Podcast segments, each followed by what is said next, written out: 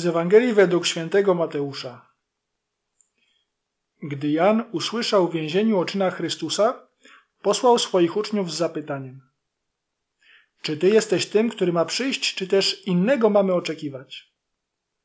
Jezus im odpowiedział: Idźcie i oznajmijcie Janowi to, co słyszycie i na co patrzycie.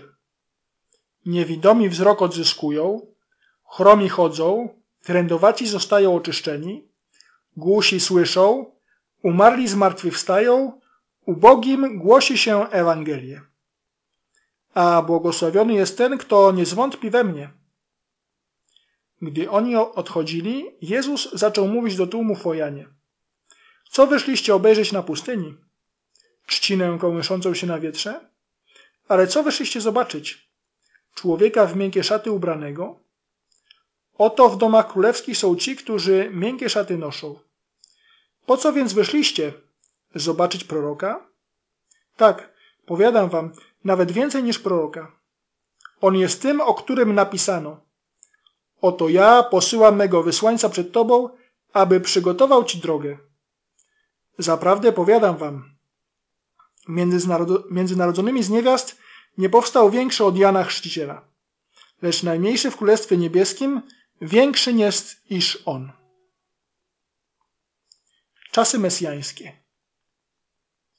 Niewidomi wzrok odzyskują, chromi chodzą, trędowaci zostają oczyszczeni, głusi słyszą, umarli zmartwychwstają. Czasy mesjańskie to harmonia, to piękno, to proporcja. Ostatnio byłem świadkiem tworzenia wspaniałego dzieła sztuki. Wiele godzin intensywnej pracy, wiele przygotowań, wiele szukania inspiracji wśród pięknych dzieł, porządek w pracy, dbałość o narzędzia, troska o to, żeby nic się nie pobrudziło, troska o porządek, skupienie na, na pracy i wspaniałość. Wspaniały pejzaż, piękność postaci, harmonia, proporcje.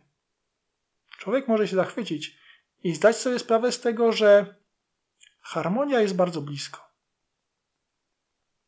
Ty także tego doświadczasz. Doświadczasz tych czasów mesjańskich w tobie.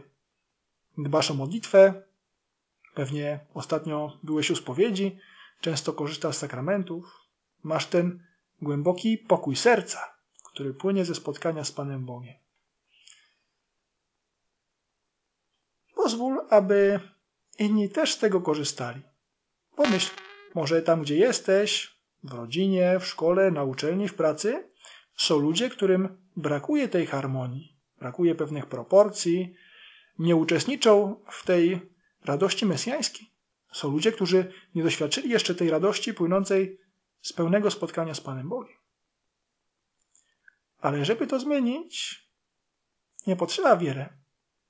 Wystarczy jedna osoba, która jest harmonijna, która żyje właśnie przyjaźnią z Panem Bogiem, która staje się dzięki temu do Niego podobna i dzieli się tą radością z innymi. Co to oznacza konkretnie? Umiesz kochać, wiesz jak to robić, wiesz jak pokazać serdeczność. To jest ten uśmiech do, dla zmęczonej osoby. To jest to dobre słowo, kiedy spotykasz się z domownikami po całym dniu pracy czy, czy nauki. To jest to konstruktywne podejście do problemu, z którym się zmagasz w pracy, na uczelni. To jest ta bezinteresowna pomoc, której nie wymaga sprawiedliwość, ale dajesz ją, bo czerpiesz od tego, który leczy rany ludzkich serc.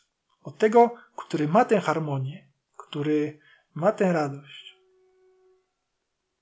Dzisiaj możesz być właśnie takim znakiem nadziei, znakiem harmonii, znakiem czasów mesjańskich. I w ten sposób pomożesz im odkryć Chrystusa, który przychodzi, który czeka na każdego z nich.